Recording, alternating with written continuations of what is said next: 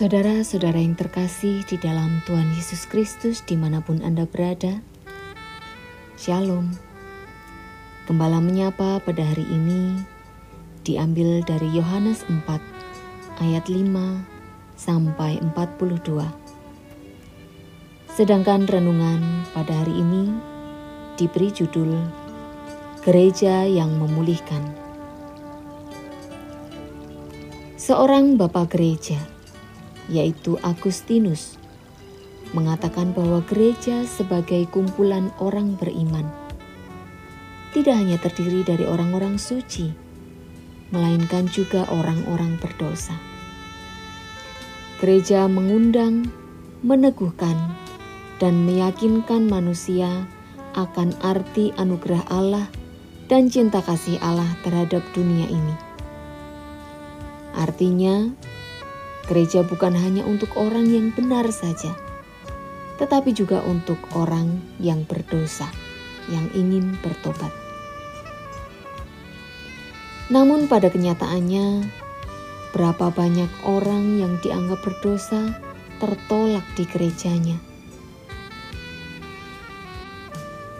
Dalam bacaan kita hari ini, kita melihat seorang perempuan Samaria yang berada di sumur pada siang hari pukul 12. Waktu yang tidak biasa digunakan untuk mengambil air. Mungkin saja perempuan ini menghindari dari cibiran orang. Ia tidak mau mendengar kehidupannya yang kelam menjadi bahan gosip di sumur itu. Saat itulah Yesus menjumpai dia.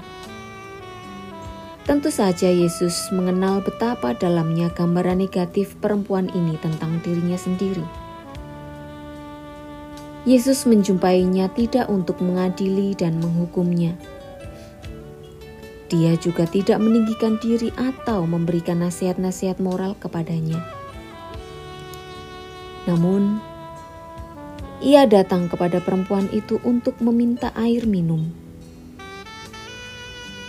Ia mulai berdialog dan menciptakan relasi. Perempuan Samaria yang kehilangan kepercayaan akan kebaikan dirinya dipulihkan Tuhan. Saat dia percaya kepada Yesus, Sang Air Hidup, Yesus mengangkat dia, mengembalikan kepercayaan dan harga dirinya. Kisah perjumpaan Yesus dengan perempuan Samaria ini menunjukkan kepada kita cara Tuhan Yesus mendekati orang yang terluka dan hancur hidupnya.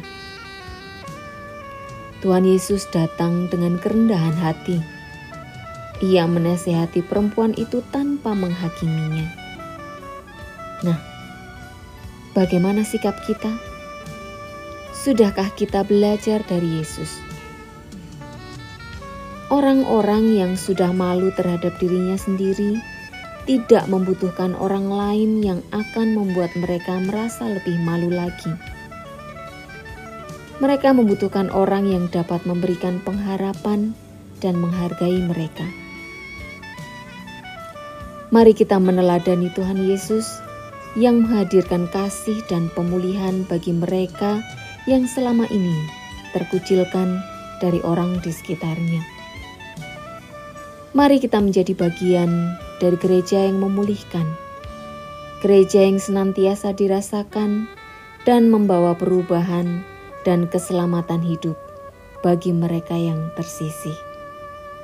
Tuhan memberkati. Amin.